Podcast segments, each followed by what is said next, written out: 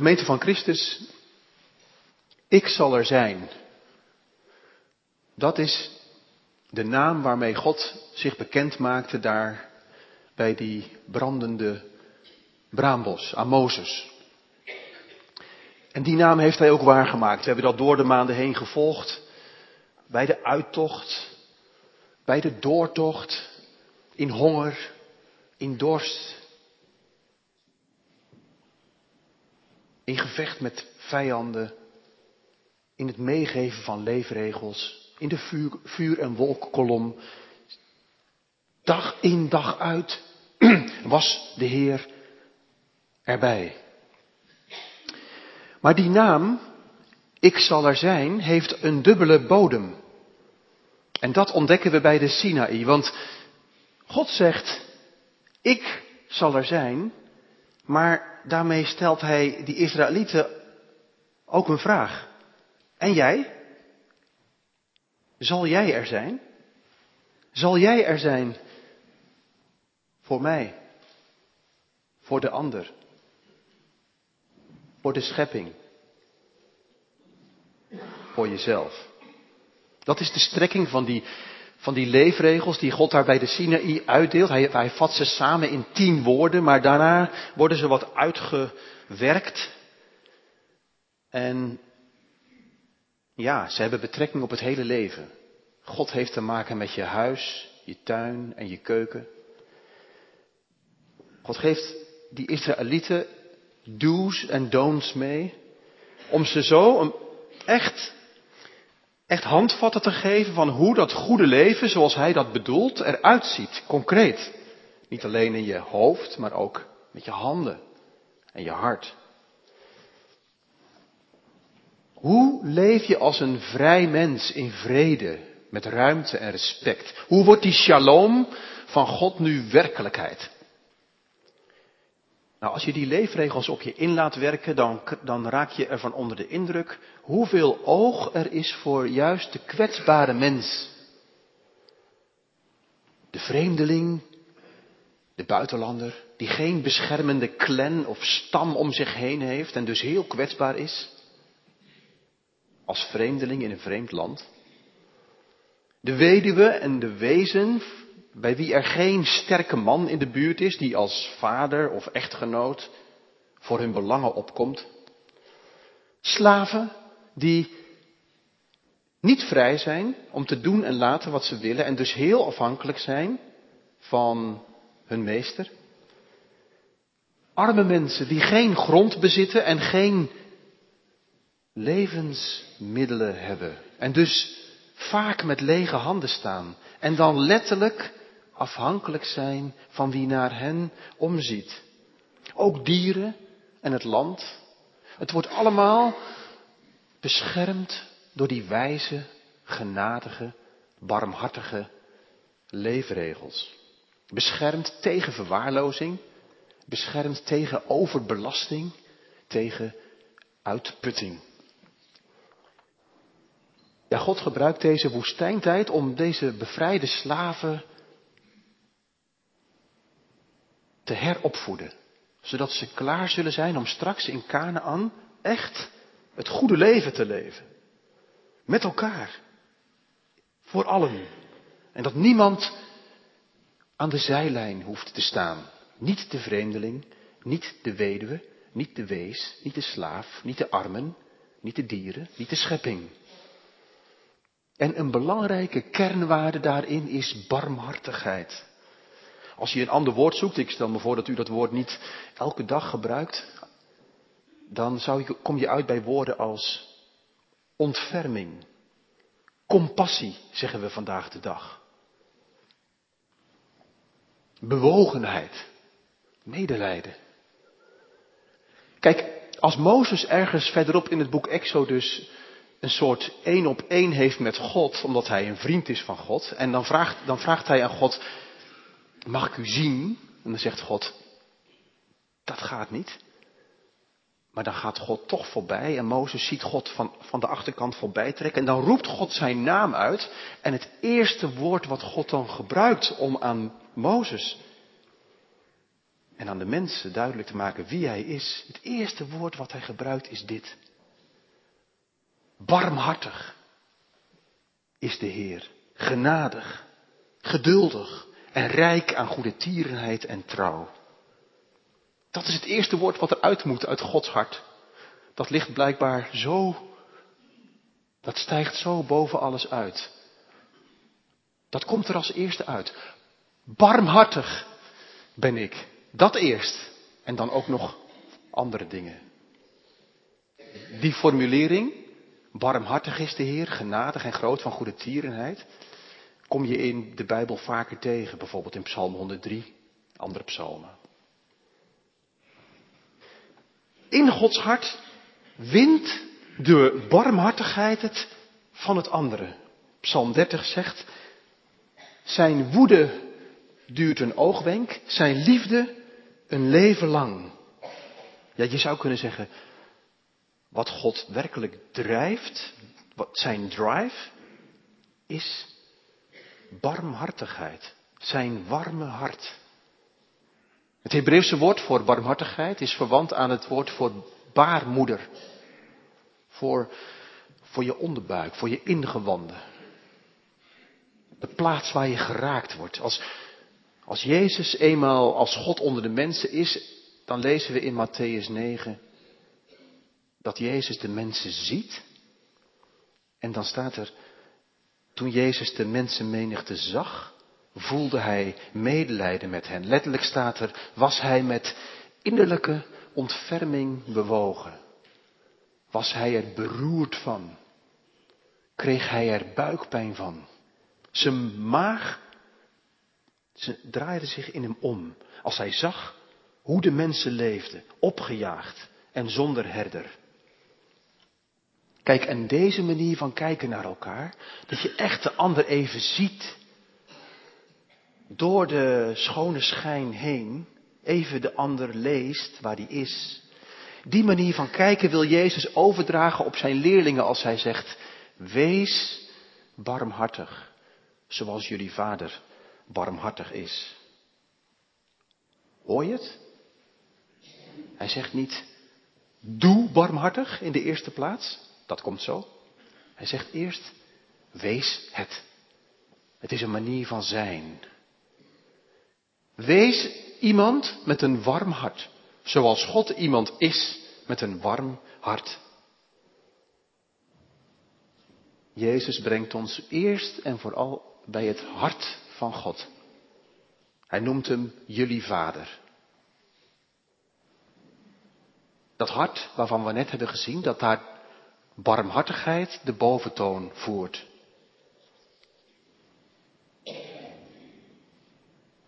Kennelijk is ons menselijk hart niet vanzelf op temperatuur. Ons hart kan soms best wel aanvoelen als een soort van steen. Afgekoeld. Koud. We kunnen soms zo weinig voelen als we, als we de ander zien, als we de ander al echt zien. En zeker in onze tijd, waarin we, als we de media een beetje volgen, het nieuws volgen, zo'n lawine aan slecht nieuws elke dag tot ons, tot ons zouden kunnen nemen. En als we dat doen, kan het ook een beetje afstompen. Hoe hou je dan een warm hart? Voor die ene die uw pad kruist. In uw straat, in uw buurt, in de supermarkt, op uw werkvloer, in uw kring of net daarbuiten. Hoe heb je een warm hart en houd je een warm hart voor die kwetsbare medemens? Die niet uw type is. Die niet in mijn sociale klasse zit. Over wie ik misschien mijn wenkbrauwen optrek als ik zie hoe hij of zij leeft en welke keuzes hij of zij maakt.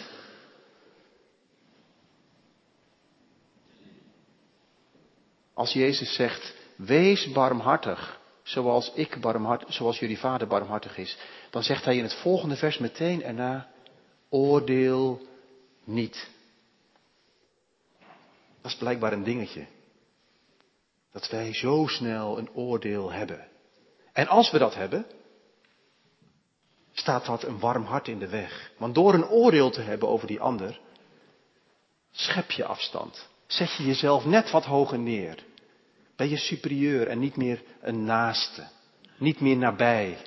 Niet meer iemand met een warm hart. Paus Franciscus is een van de mensen in onze tijd die die, die, die barmhartigheid belichaamt. En hij riep in, in 2016, 2000, eind 2015, het jaar van barmhartigheid uit. Dat vond weerklank wereldwijd. En hij schreef in zijn inspiratiedocument toen de volgende zinnen op. Jezus is het gezicht van de barmhartigheid van de Vader. Wie hem ziet, ziet de Vader. Jezus Christus openbaart met zijn woord, met zijn gebaren en met heel zijn persoon de barmhartigheid van God. En, zo schrijft Franciscus, voor ons is het nodig voortdurend het mysterie van de barmhartigheid te overwegen. Het is een bron van vreugde, gemoedsrust, vrede. Het is de voorwaarde van ons heil. Daarmee sluit hij aan bij Jacobus die zegt, als je geen warm hart hebt, wat stelt je geloof dan voor? En de tweede valkuil is dus, de eerste valkuil is dus dat je heel activistisch met barmhartigheid aan de slag gaat zonder dat je hart warm is. Dan doe je het vanuit een soort van kramp of fatsoen. Maar spreekt er uit je gebaar van barmhartigheid weinig echte compassie. Begin dus met de binnenkant en warm je aan Gods hart. Maar de tweede valkuil is dat je je alleen maar warmt aan Gods hart en dat je niet vertaalt in concreet handelen. Daar legt Jacobus de, de, de vinger bij. En dat gebeurt, als ik me niet vergis, heel gemakkelijk bij ons kerkmensen. Dat wij een kerkdienst verlaten met goede intenties en denken, het was mooi. Maar om het dan echt te vertalen in handelen, dat is dan echt een volgende stap. Juist Lucas vertelt hoe Jezus dat concreet deed. En dan niet bij de makkelijkste mensen. Hij koos bij voorkeur de prostituee om aandacht aan te geven. De melaatse die onaanraakbaar was, raakte hij aan. Mensen met een luchtje, daar at hij mee. Daar bracht hij tijd mee door. Hij vertelde van die verhalen waarin je zo ziet hoe mooi barmhartigheid is. Die barmhartige Samaritaan. Waar Jezus ook graag mee optrok. Laten we zeggen de Marokkaan. Die zet hij centraal in die prachtige gelijkenis. En die andere prachtige gelijkenis, die net zo centraal is in Jezus' onderwijs, van die barmhartige vader, die twee zonen heeft die hem zo op zijn hart trappen. En wat voor een warm hart houdt die vader. Hij treedt ze beiden open.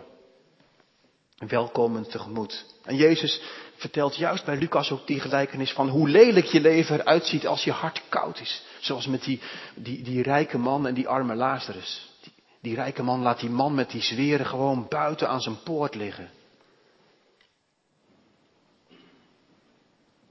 Paus Franciscus zegt het zo, door mens te worden heeft de Zoon van God ons uitgenodigd tot een revolutie van tederheid.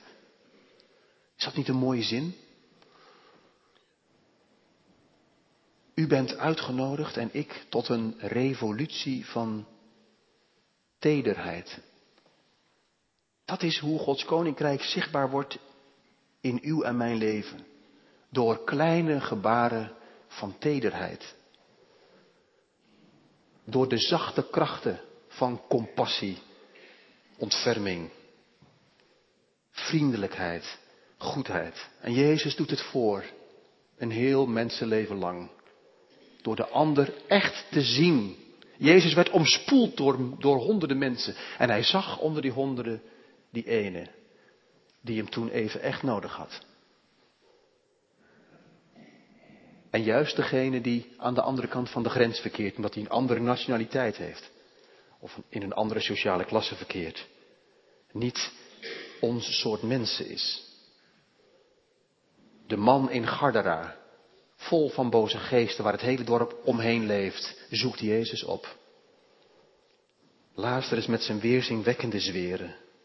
Jezus laat het zien wat het is om heel bewust die ander te zien aan de andere kant van het hek. En niet alleen om te gaan met je eigen soort. Die ander de hand te reiken, het ongemak te overwinnen, grenzen te doorbreken. Verrassend, bevrijdend. De kerk heeft in, de, in haar traditie die, een stuk of zeven werken van barmhartigheid geïdentificeerd. Gebaseerd op het verhaal wat Jezus vertelde over de schapen en de bokken. En we hebben het lied gezongen. Jezus zei, als jij een zieke bezoekt, een gevangene, een hongerige, niet alleen bezoekt, maar een hongerige te eten geeft, een, een dorstige laaft, een, iemand zonder kleren kleding geeft, een vreemdeling herbergt, dan doe je dat eigenlijk aan mij. Als je dat aan de minste van mijn broeders doet, bewijs je mij een enorme dienst. Later heeft de kerk ook nog geestelijke werken van barmhartigheid geïdentificeerd, beschreven. De paus noemde die ook aan, het begin van het jaar van barmhartigheid. Twijfelaars raad geven, onwetenden onderrichten, zondaars vermanen, bedroefden troosten, beledigingen vergeven, lastige personen geduldig verdragen en bidden voor iedereen. Jongens en meisjes, kennen jullie de film Pay It Forward? Pay It Forward, in het Nederlands vertaald, betekent het betaal het vooruit, betaal het verder.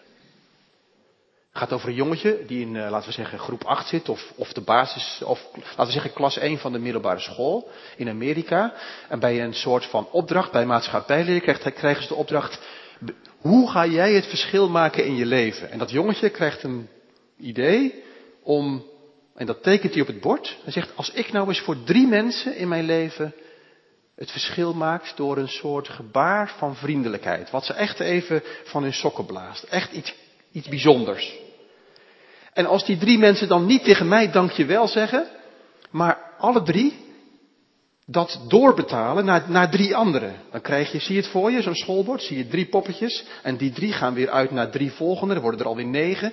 En hij rekende uit dat dat dan in een hele korte tijd een hele grote beweging zou worden van mensen die zelf even aangenaam verrast zijn, een glimlach ergens van krijgen en dan denken, waarom doe ik dat niet bij een ander? Nou, pay it forward. Je zou de film kunnen bekijken. Volgens mij kun je hem gewoon op YouTube uh, vinden. En uh, Netflix misschien.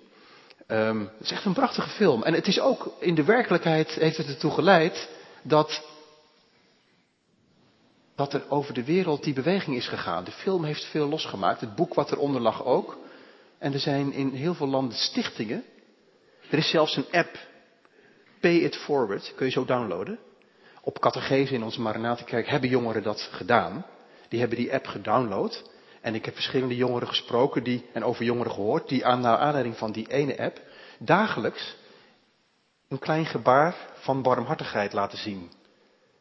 Het kan er heel verschillend uitzien. Een, een meisje heeft een baantje hier in het dorp bij een winkel en die nam zich voor, ik ga vandaag een paar klanten extra aandacht geven. Meer dan het gewone. Ze verrassen met ongedeelde aandacht. Een andere meisje plakt op het toilet op school af en toe een post-it briefje met een bemoedigende tekst.